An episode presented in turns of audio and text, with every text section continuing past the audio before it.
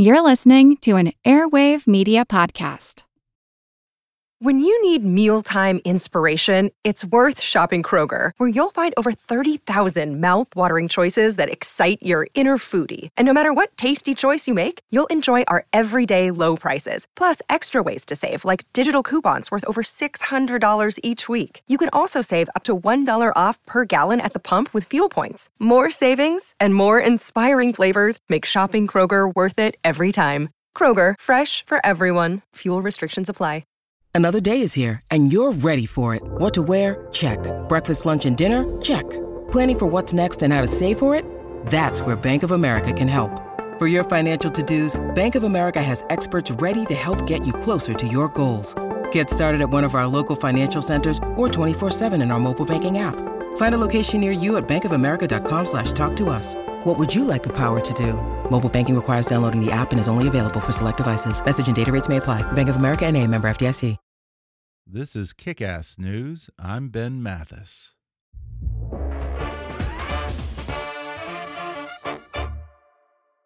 Feeling stuck in your job? Bank of America's The Academy for Consumer and Small Business helps you develop a long term career path. Through peer mentorship, immersive programs, and a variety of clear and distinct paths, you can reach the next level in your career. Take your first steps toward a long term career path at careers.bankofamerica.com. And now, on with the show. Hi, welcome to another edition of Between Two Ferns. I'm your host, Zach Galifianakis, and uh, my guest today is uh, Barack Obama, President Barack Obama. Good to be with you. Where are you planning on building a presidential library in Hawaii or your home country of Kenya? Because, I mean, both places seem like they would be. Zach, that's a ridiculous question. Well, you know, I mean, not to bring up the birth certificate thing, but you really never did really produce your real. Where's birth- your birth certificate? Why why don't you show it to us right now? I don't want to show anybody my birth certificate because it's embarrassing. What's embarrassing about it? My weight on it, it says that I was born seven pounds, 800 ounces. You know what I would do if I were president, Mr. President?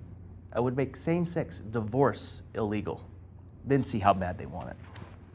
I think that's why you're not president. And that's a good thing. You said if you had a son, you would not let him play football. What makes you think that he would want to play football? What if he was a nerd like you? Do you think a woman like Michelle would marry a nerd? Uh, I, why don't you ask her whether she thinks I'm a nerd? Could I? No, I'm not going to let her near you.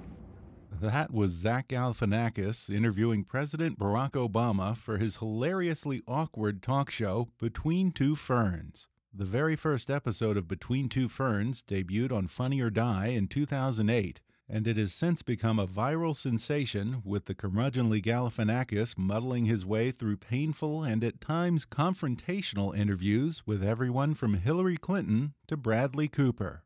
Between Two Ferns is the brainchild of Galifianakis and Ferns writer-director Scott Aukerman. Now the two have teamed up for Between Two Ferns the movie, a road comedy that offers a little more insight into Zach Galifianakis' beloved outsider and features some very, very funny cameos by just about every celebrity under the sun. It's available on Netflix this Friday, September 20th, and today Scott Aukerman joins me on the podcast to share how Between Two Ferns was born out of his and Zach's love of bad cable access programs and why the two ferns were so essential to the cheesy look of the show. He reveals how they convinced the leader of the free world to come on a tongue in cheek interview show, how they improvised their way through an entire movie, and what it was like for Scott to direct his hero, David Letterman. Plus, we celebrate the 10th year of Scott's own podcast, Comedy Bang Bang. Coming up with Scott Aukerman in just a moment.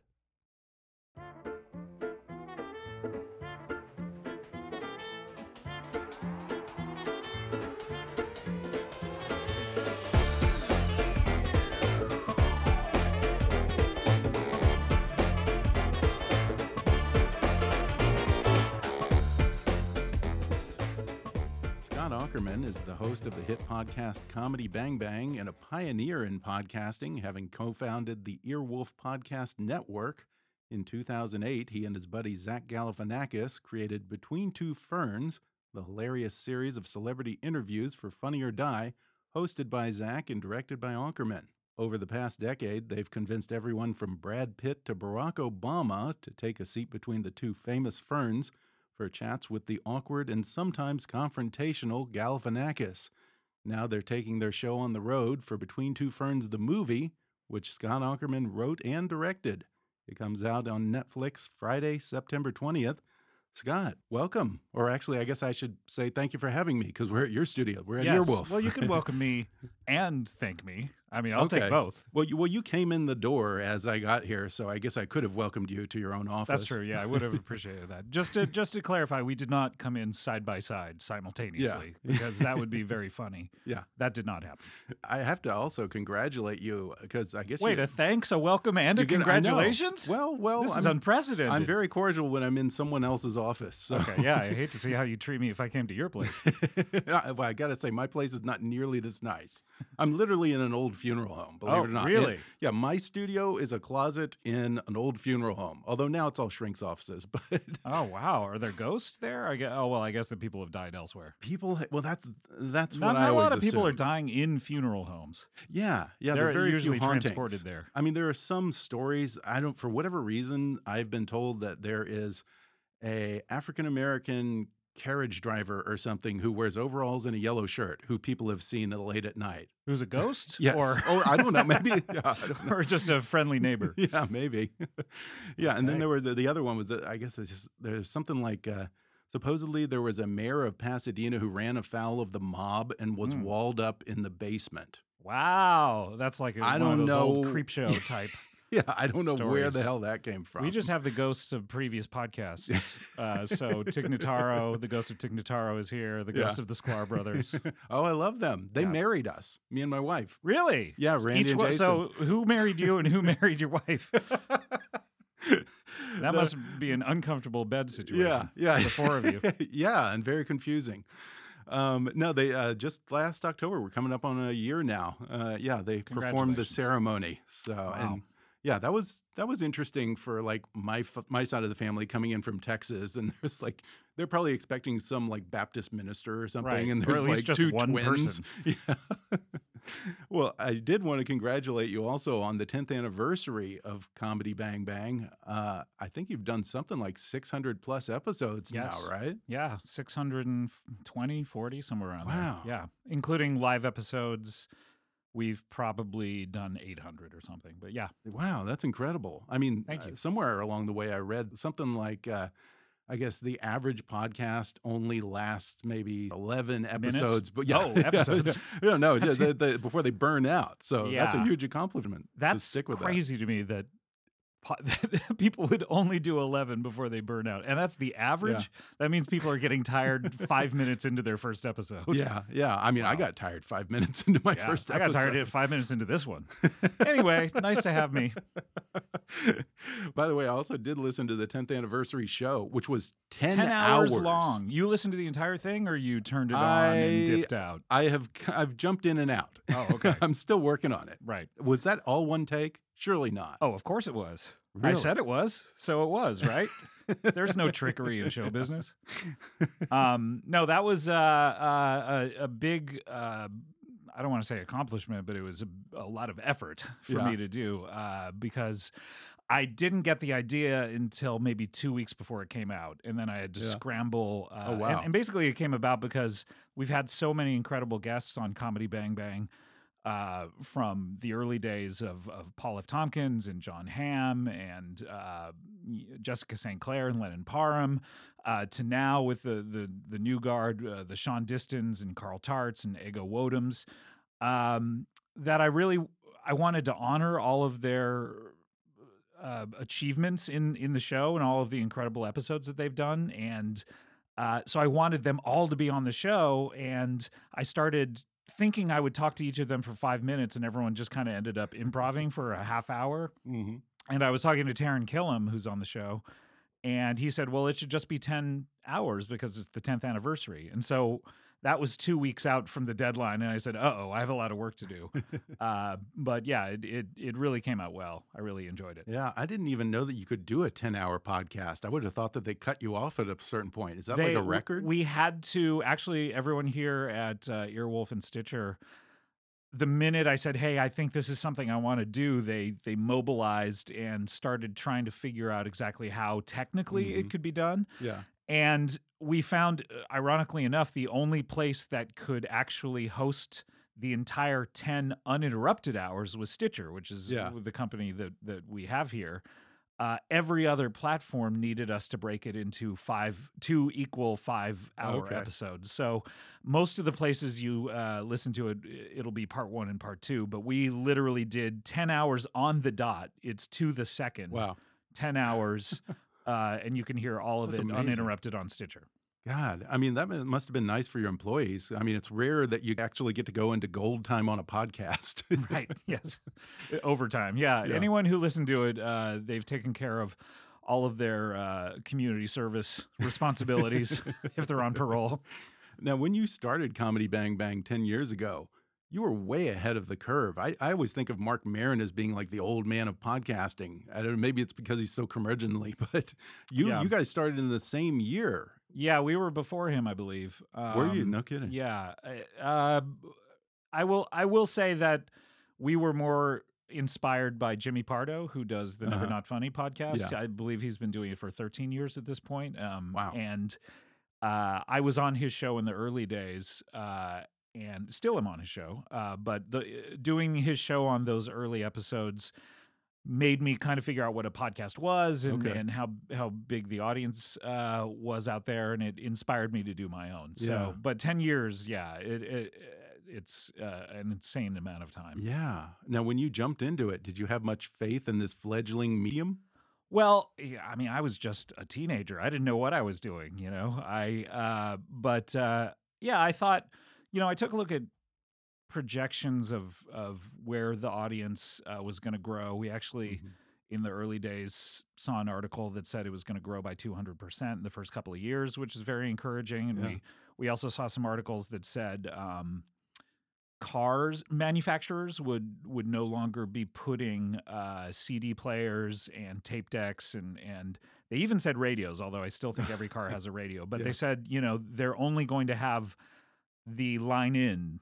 You know, we, they didn't even know about Bluetooth at that point. Um, but then Bluetooth Wow. was put into all cars, and it sort of took care of all of those problems. And then download speeds and all that kind of stuff. Yeah, we really saw the future and and it's what it is now which is you know you can just stream a podcast instantaneously and play it in your car uh, on the way to work um, as opposed to when we started where you had to download it onto itunes and then sync it up to your ipod and all Yeah. that kind of stuff but yeah we Yeah. we hoped that it would would get to this point Yeah, you were way ahead of the curve. You were a pioneer. I mean, I've only been at this like less than five years. yeah that's not That's a big uh, deal. that's not an accomplishment um, and uh, i am better than you yes. you are petty. Well, you built a whole podcast network. Yeah, but at, at a certain point, you'll get to ten years, unless you Yeah. grow bored like the average.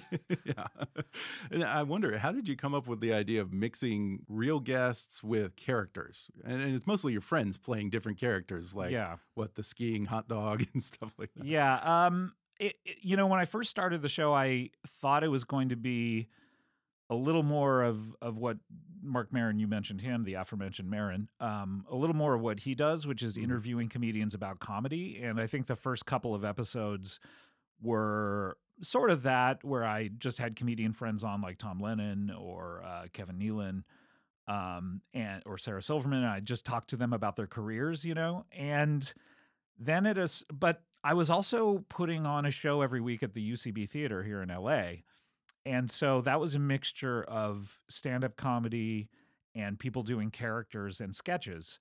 So I wanted to have some of those uh, character pieces and some of those sketches on the show.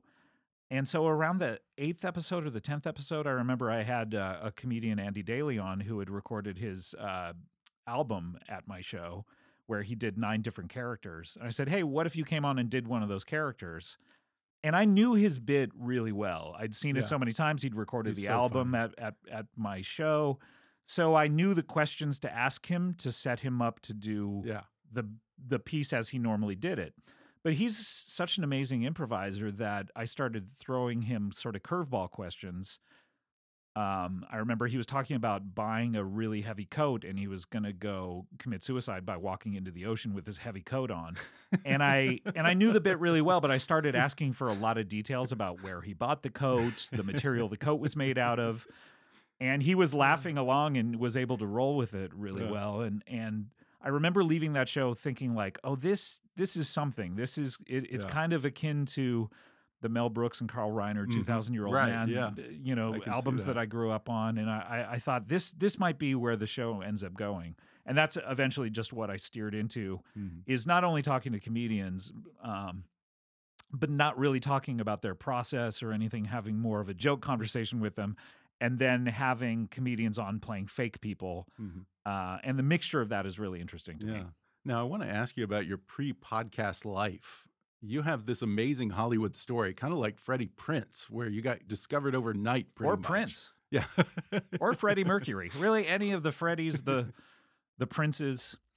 Um, it it was you know it, it kind of reads like it was uh, a dream come true, but uh, basically what you're talking about is that I started doing comedy in 1995, and um, I was very influenced by Bob Odenkirk and David Cross. They Yeah. were uh, doing live shows here in LA in order to get the uh, HBO show Mr. Show that they did.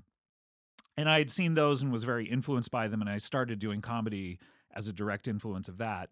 And the second time that I did it, uh, Bob Odenkirk happened to be in the back of the room. And after the show, uh, came up to my partner and I and said, "Hey, uh, I kind of, um, I really liked you guys. I, I'm, I need writers on my show, Mister Show. Would you, would you guys ever want to write for it?" And I'm like, "Oh, you're the guy who made me do this thing that I just did." wow.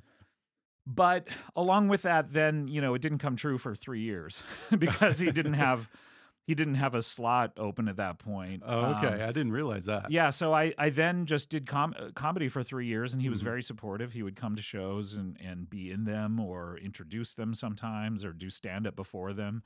Uh, a very supportive guy, but I didn't actually get a job from him uh, for another uh, three years until the fourth season of, of Mr. Show. Okay. So you were discovered overnight, but you weren't hired for three years. Yeah, I made no money until then. There's there's really no Yeah. point in being discovered Yeah. yeah. until the the checks start coming in.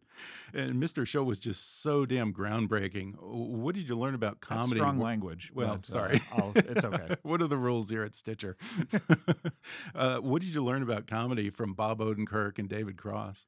I learned a lot. You know, there, there, there are a couple ways that really stick out to me right now. I think the first thing was um, they really taught me about the difference um, between saying something in your comedy and not saying something. So the Mhm. difference between, for instance, parody or satire, and Mhm. they fell on the the satire end of the equation where they felt like if you were just kind of making jokes and being silly um or you know making references to a movie that was out it it wasn't really for them um we would have really long discussions about what you wanted to say why you got the idea what what your feelings about what you were writing about were and why that was important. So that was that was really an important lesson to me that I've then since then tried to put not only in my writing work but in shows that I produce. I'll I'll usually talk to the creators about you know what are you trying to say? you know what's your point of view? Stuff that I, I had as a young. I got hired when I was nine years old on that show. I I hadn't really uh, thought about up till Yeah. then. Um, and then the other, I think, more of a process question is just how to write um, effectively. Mhm. I think, which um, can sort of be taken in a lot of different areas, even if you're not a writer in a lot of different fields. Um, basically, Bob felt that um, anyone who spent their time laboring over something for days, if you wrote a sketch for three days, it was worthless because Huh. you ha- had invested so much time into that three days. At that point, you loved the result. Like you had so much Oh, of a interesting, yeah. stake in it that Mhm. you were like very Yeah. protective Some over it. cost fallacy. So he Yeah. would say, "Well, what am, if you turned in something that you'd written for three days?" He'd say, "Well, what am I going to do now? I'm going to critique it, and you're going to get your feelings hurt, Yeah, because you've spent so much time on this. He goes, Mm. instead, write it for two hours and come in here, and then we can like start to make Mhm. it good. Yeah. So that was at, at that point. I, I I kind of had thought of myself as a writer that I was like a craftsman, and I was sitting there tinkering with word choice, and you know, finally coming up with the thing that was good. And comedy's not really about that. Comedy is essentially is really stupid and dumb and silly and fun. And so, and and and since then, especially in comedy Bang Bang with the improv stuff, it's like just first thoughts Mhm. come out and and do it and don't labor over it and that was a really important lesson because uh, at that point not only are you having more fun and being more silly but you're also spending a third of the time working on something which is very important Yeah, yeah, and you won an Emmy for Mr. Show, right? i did not i was nominated didn't? for an Oh. emmy for that uh, nominated. uh, and then i won two for between two Okay, Ferns. that's right, that's right. But I mean, Mr. Show was a huge success for you, and then apparently you went through like this ten-year dry spell after the Mhm. after all the success with Mr. but Show. enough about my dating life ha ha ha ha ha ha ha ha I mean, I don't know if you know this, Scott, but you know, usually you're supposed to pay your dues and then hit it big. right I think you kind of no. did it backwards. It was the reverse. I hit time. it big. uh, had a few great years, the golden years, as I call it. Um, and then uh, dry spell is maybe a little harsh in the sense of I was still getting paid right. a lot of Had a lot of development every year, and that kind of thing. Yeah, but- so every year I would I would maybe write two film scripts and one television script. Mhm. Um, that would never get made. So it was dry in Mhm. the sense of like. I, I went from working on a television show and then making a movie that, that was released Mhm. to a, a 10 year period where really the only thing that ever came out was um, I did uh, a year of work on the movie Shark Tale, the animated movie for DreamWorks. But along yeah. with that, I was writing a lot of scripts and would put, you know, it takes you about three months to write a, a film script sometimes, put a lot of work into it. And then a lot of them would almost get made. And then Yeah. at the last second, they would say no. I had a pilot at NBC that they said, okay, we're greenlighting this and I started to ramp up for it. And then um, they called me a couple of days later and said, "Whoa, whoa, whoa, hold your horses! Don't get too excited about this. We're not Yeah. doing it anymore." Um, so that that happened for about ten years, um, and the only way to sort of keep my sanity was to I put a lot of energy into doing the the show Comedy Death Ray at the Mhm. UCB Theater um, on Tuesday nights, which ran for ten years, where I could just kind of have fun and Mhm. and not worry about that kind of stuff. We're going to take a quick break, and then I'll be back with more with Scott Aukerman when we come back in just a moment.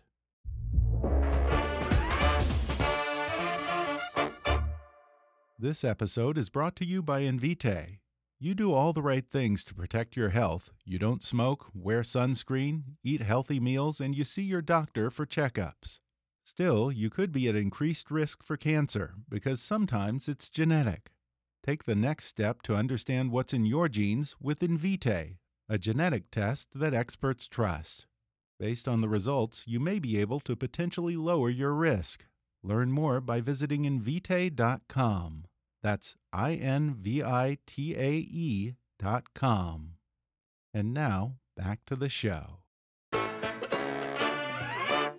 You kind of, uh, after a while, just decided to make your own thing. You start the podcast, you started doing, I think it was like, what, 2008 that you started Between Two Ferns? It was 2008. Yeah, so it's been 11 years at this point. Yeah. How did you and Zach come up with the idea for the show? Well, Zach and I, we've known each other since the 90s when I was, um, I think I was in pre K at that point. And I, uh, I uh, uh, met him at uh, Largo, which is a, a local club here. And I thought he was really funny. And then I, I saw him at the Aspen Comedy Festival. Um, and this must have been in 97. And I, um, saw him at a bar and I came up to him and I was like, Hey, I, I think I met you at Largo. Um, I'm Scott. You're really funny. Um, you're here for the festival, right? And he said, Oh, no. Um, I wasn't invited to the festival. I started my own festival, which basically he had rented a hotel conference room on the outskirts of Aspen and was just doing shows there. Uh, not not encouraged or uh, as part of the actual festival. And I thought that was such a funny idea. So we checked in with each other every once in a while and uh, would would do stuff every every once in a rare while, but it wasn't like we were working together constantly. So then I was I was doing a pilot for a late night sketch show, and um, I knew Zach was too popular to actually be a cast member on the show. But it, we had a really great cast uh, of people with uh, between Casey Wilson and Natasha Leggero and uh, James Adomian, uh, Paul Rust, uh, so many great people on that show. Um, and but but Zach at that point was a little more established than than those people and and couldn't commit to doing a, a full time cast thing. But he was. I called him and he was willing to do one sketch. So um, we hung out and we were kind of talking about okay, what's the kind of thing you would want to do? And he he said, you know, I've always wanted to do a talk show, um, like a public access thing, because he had had a public access show growing up. Yeah. And he said, I, I wanted to be called Between Two Ferns. And he said that to me, and I got it because I had a public access show when I was in high school. really? and I, I knew that when you're there, they don't have any kind of set dressing. They have right. A couple of chairs, uh, a black curtain. Sometimes they'll have a sparkly curtain in case it's like a dance competition or Yeah, something. Yeah. But to fill up the frame, because that can look very empty, they'll put just two giant plants next to you. and so that made me laugh really hard. And I got it immediately. I was like, between two ferns, perfect. Yeah. Let's do it. Um, and I w- had also been talking to Michael Cera at the time, who wanted to do a sketch, and I said, "Hey, what if we all did this together?" Um, and so we just improvised it one day for about a couple hours in this basement that we were filming. And um, our editor Dan Strange, to his credit, put it together and got all the really funny parts and uh, made it seem like it was happening in real time. And um, chose the theme song and all that, and the the Yeah. font and the editing style. I, I love the font. I love how Yeah. committed you guys are to the whole look of a cable access show. Yeah, that was 'Cause that's like what it's not even Chyron. It looks like the the the graphics that you did in camera on a camcorder Yes. back in the day or something. that every every aspect of it is intentionally kind of lo-fi. yeah. Uh, like not only do they not have the best equipment, but they haven't hired the best people to produce it as well. Um, and so yeah, we we we filmed it, and the show never went forward. And then we were sort of looking for a place to put it, and um, we we knew people over um, who were working at Funny or Die, which was uh, a new uh, website Right. that really the landlord and maybe a Nick Thune video were the only things I Uh-huh. think that were Yeah. maybe out there uh, that they yeah. had produced. Will Ferrell's company Will Ferrell, yeah. outlet. Yeah. and Adam McKay's. Yeah. Um, and so we called them and said, "Hey, are you interested in putting this up on your site at all?" And they said, "I think we could give you give you an exclusive on a Monday, which I think was in January, the beginning of January. They're like, I think you can have an exclusive on this one day. they were like sort of iffy about it, but get you know to their credit, gave us uh, gave us um, nice placement on one day, and just uh, a few million people saw it and and started passing it around. Yeah. Are you guys still using the original ferns? Well, no, that would be impossible. But um, because I remember they were getting pretty peaked for a while. yeah, so we used the same ones, I believe, in the first five, Yeah. and that was for some weird reason. That well, one of the reasons is you know we we're all show business people. We don't know where to buy ferns. Yeah. Like I the the minute the the day I remember I figured out that Home Depot sells them. you know, I don't know where plant stores or anything are in LA. Like it's not something that I ever paid attention to when I was driving around. Then I figured out Home Depot would sell them and I knew there was one by my house. So that kind of opened up things. But for the first 5 episodes we we had those same ferns and I was renting the same chairs that we used on the pilot, and I was traveling out to Century City to rent them from a prop house for eighty dollars every time. Uh, like choices that, in retrospect, were insane that no one cares about. Um, Yeah. But you can slowly watch those ferns die throughout the first ep- five episodes until Bradley Cooper finally Yeah. uh, smacks Zach in the face for not watering them. You never thought about plastic ferns? Um, you know, not even on the movie did we use plastic. Yeah. I don't know. There's just something about Okay. them being real that I think is Yeah. important. Now, up to a point, you were pretty much just doing celebrity interviews on the show, but then you land the president of the United States. How in the world did the Obama interview come together? It was one of those things where I think it came together six years into his presidency. And for the first six years, we had been I don't know, half jokingly, half serious, kind Uh-huh. of pursuing him. Um, and the process in these is kind of it's a little difficult because people will string you along for Mhm. a long time Sure. and make you put in a lot of uh, free work, you know. And and there have been several times, and these are nice people, so it's it's not you know their fault or whatever. But uh, I remember writing a lot of jokes for Elton John once. And then finding out the next day he was no longer going to do it. Um, Oprah Winfrey, I think Zach canceled a trip because we heard two days, we heard on a Thursday that she was going to film it on a Saturday at her home in Montecito and and it was going to be on the Oprah Winfrey show itself on her comedy episode. Oh, really? Wow. And so Zach was going out of town, so he canceled plans, and we started getting together and planning it out and and writing the jokes. And then I think we found out on Friday that no one had ever actually spoken to her about this plan. and they showed her one of the Really? episodes, and she was like, "I'm not going to do this," and it was canceled on a Friday, and so Zach was out of a trip. So stuff like that would happen all the all the time, and still happens. Um, so there was a time, I believe, when when President Obama was up for reelection, that um, they thought maybe this would be a cool thing to do in order to help him win reelection. Mhm. And so we again got started getting busy with it and started kind of planning what it would be and then we heard hey he's not going to do it he's going to do a reddit q&a instead Because those are so similar. they're very similar yeah i guess they just both of those things got slotted into the Interesting. things kids are into or Yeah. something like that so then a couple years later, we had sort of taken it out of our minds and said, "Oh, this is never going to happen." And we heard from the campaign. Um, it, it, well, it wasn't a campaign, but we heard from the White House. Uh, if it's ever going to happen, it's going to happen now because he really wants uh, people to hear about the Affordable Care Act. Mhm. So at that point, we were, you know, five times bitten, you know, one Yeah. shy, and we were like, yeah, okay, sure. um, doubtful that it'll ever happen, but we we went ahead and started planning for it, and and I started talking to one of his speechwriters and uh, people involved in the campaign, Mhm. and um, it started to get kind of serious where it looked like it could happen. And I was filming my television show, Comedy Bang Bang, at the time. Um, and I was in the middle of a season. And when I was filming that, I mean, it's very difficult to film that show due to all, all of the guest stars who were on it. Yeah. And I had a very busy week the week that they said they wanted to do it.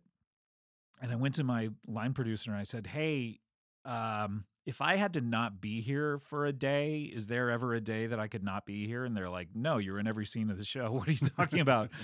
Um, and I said, yeah, but but let's look at our schedule. And they they I I had big guest stars on Tuesday, Wednesday, Thursday, and Friday of that week. But on Monday, I was just uh, filming plot stuff. So I said, if could I take that Monday off?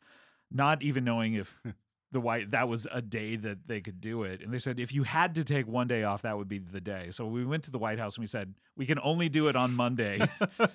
and they don't get that a lot, probably. they do don't get that a lot and i was just like man this something's got to break either they're going to say hey forget it or i'm going to you know have to cancel Yeah. my show and to their credit they came back and said yeah monday's good Wow.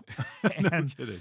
so we all went out to the the the white house and i i you know again sort of harkening back to the oprah winfrey of the thing when you talk to a person's representatives a lot they have have not spoken to the person involved Right.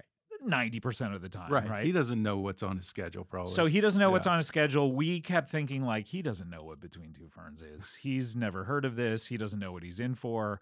They had approved everything we were going to talk about, but we had no idea if he had approved it personally. oh, yeah. But he walked into the room after all of us saying this is not happening. He's some, you know, national crisis is going to happen and this is canceled. But he walked in and he said, two ferns," and and clapped, and we were like, "This guy gets it." Um, we, we found out much later that he had never heard of it and that he he br- was having a family dinner uh, the night before with his two kids and they they were listening to what he was supposed to do the next day. I'm sure bored out of their minds, you know. And and he said, uh, "I'm supposed to do something called Two Ferns," and he thought it was called Two Ferns, not Between Two Ferns. And they lit up and they're like, "Oh my god, I love Between Two Ferns. You're gonna do that? You have to do it." So Wow. he kind of came in because his Mhm. daughters liked it uh, uh, with a little more passion for it than uh, something that he had no idea what it was. and it must have been intimidating directing the most powerful man in the world, I imagine. Yeah, but I I sized him up and I was like, I Yeah. could take this guy if I really had to. Um, no, it it- was it was intimidating, but when you get into this situation, and this happened on the movie a lot too, you're just you're on a schedule Mhm. that you have to hit, and you you know the potential for what it could be, Mhm. and you have that in your mind, and you just have to do a job. So it, it was it was very difficult to sort of circumnavigate um, the experience because of all of the restrictions on his time and um, sort of uh, uh, you know what what he would do or what he would not do. Supposedly, we we heard he would not do a second take, um, and which you know when you're doing these, quite often you have to do a second take, but Right. but they were i think his his people were approaching it sort of like a, a new we were a news organization and so why would you ever do a second take Right, of an right. Um, and a lot of people don't know when you do interviews this is our fifth take. I mean we have been screwing up for hours and i think we're finally on a roll and this is the one i want to use. Yeah. but um yeah so it, it was a little difficult but and i had to at a certain point i had to direct him and actually uh, overcome that and ask for a second take and um, see what he said. And to his credit, he went ahead and did a second take and was was into No it kidding. and and it, it came out really well. So yeah, we're we're very proud of that one. Well, you mentioned the Between Two Ferns movie that's coming out. What made you and Zach want to take this kind of cheaply produced spoof of a cable access show and turn it into a whole full blown movie? Uh, There were a few years back we were doing a special um, for Comedy Central, which was a satire of the Barbara Walters uh, pre-Oscar specials. They were having whatever defunct award show that they used to produce. Um, I can't rem- recall what it was, but they they approached us about doing one of these pre-award show specials. So it was really fun. We went out to New York, and uh, it was with Tina Fey and Jon Stewart and Richard Branson. And um, as part of it, those three were the people that we interviewed. But as part of it, um, we were just goofing around on the streets of New York, um, just improvising and filming stuff. And if we would get an idea, uh, we would see a mailbox, and Zach would tap me on the shoulder and say, "Hey, uh, film me. I'm going to go run into the mailbox and have my pants fall down around my ankles." and we were like, "Oh, okay, that sounds cool." And it was just we were do- doing stuff like that. We would see a, a one of the sandwich shops, the sub, you know, a Subway. and he'd say, "Hey, uh, let's go film me walking into that," and later we'll say that I went on New York's famous subway, you know, so stuff like that. And we were just like, "Wow, this is really fun." To you know, he had been making big Hollywood movies at that point, and he he said this is a, a really fun energy to to have in making a, making something because you know when you have a script and the cameras are set up really well, it, it can kind of drain the fun out of something a lot of times. So we said if w- we should make a movie um, with that kind of energy, where there's not really a script and the camera setups aren't so oppressive that we can't goof around and improvise. So- so So the whole movie is improvised, or is it like Larry David does, where you kind of have a summary and you work off of that? yeah that's that's usually what uh, when you see something improvised i i kind of feel like it's more improvised than curb your enthusiasm because i did Okay. an episode of curb your enthusiasm Oh, and i right. yeah, I was remember that. improvising during it, and and the creators came up and basically said, "Hey, say this line exactly the way we want you to." and I was like, "Oh, okay." Um, so I think ours is actually a little more loosely scripted than that. In fact, we, you know, a Curb Your Enthusiasm. I think um, Larry David is a genius at at constructing these elaborate uh, plots. And we didn't really have much more than a bare bones plot. We we wanted to to record and film a bunch of scenes that we would then figure out how to put it together later, a lot like an actual documentary Right. which is I, I was reading um, the uh, uh, a lot about this is Spinal Tap, which is a hev- heavy influence on the movie. Yeah, I and that's that. the same thing that they did, which is they just filmed it like it was actually happening. It was Mm-hmm. filmed like an actual documentary. Those guys got in character. They would set up scenes, and what a documentarian does is just film a lot of stuff and then figure out a structure later. And, Mhm. and that's the way that, Yeah. that we decided to do it. weirdly, it almost reminded me of the Muppet movie, actually, where it's like we got this many celebrity cameos. How do we make this work? There Let's is just figure it out. There are two parts, especially in the movie, that are directly ripped off from the Muppet movie. Oh, really? um, uh, one in the climax of the movie.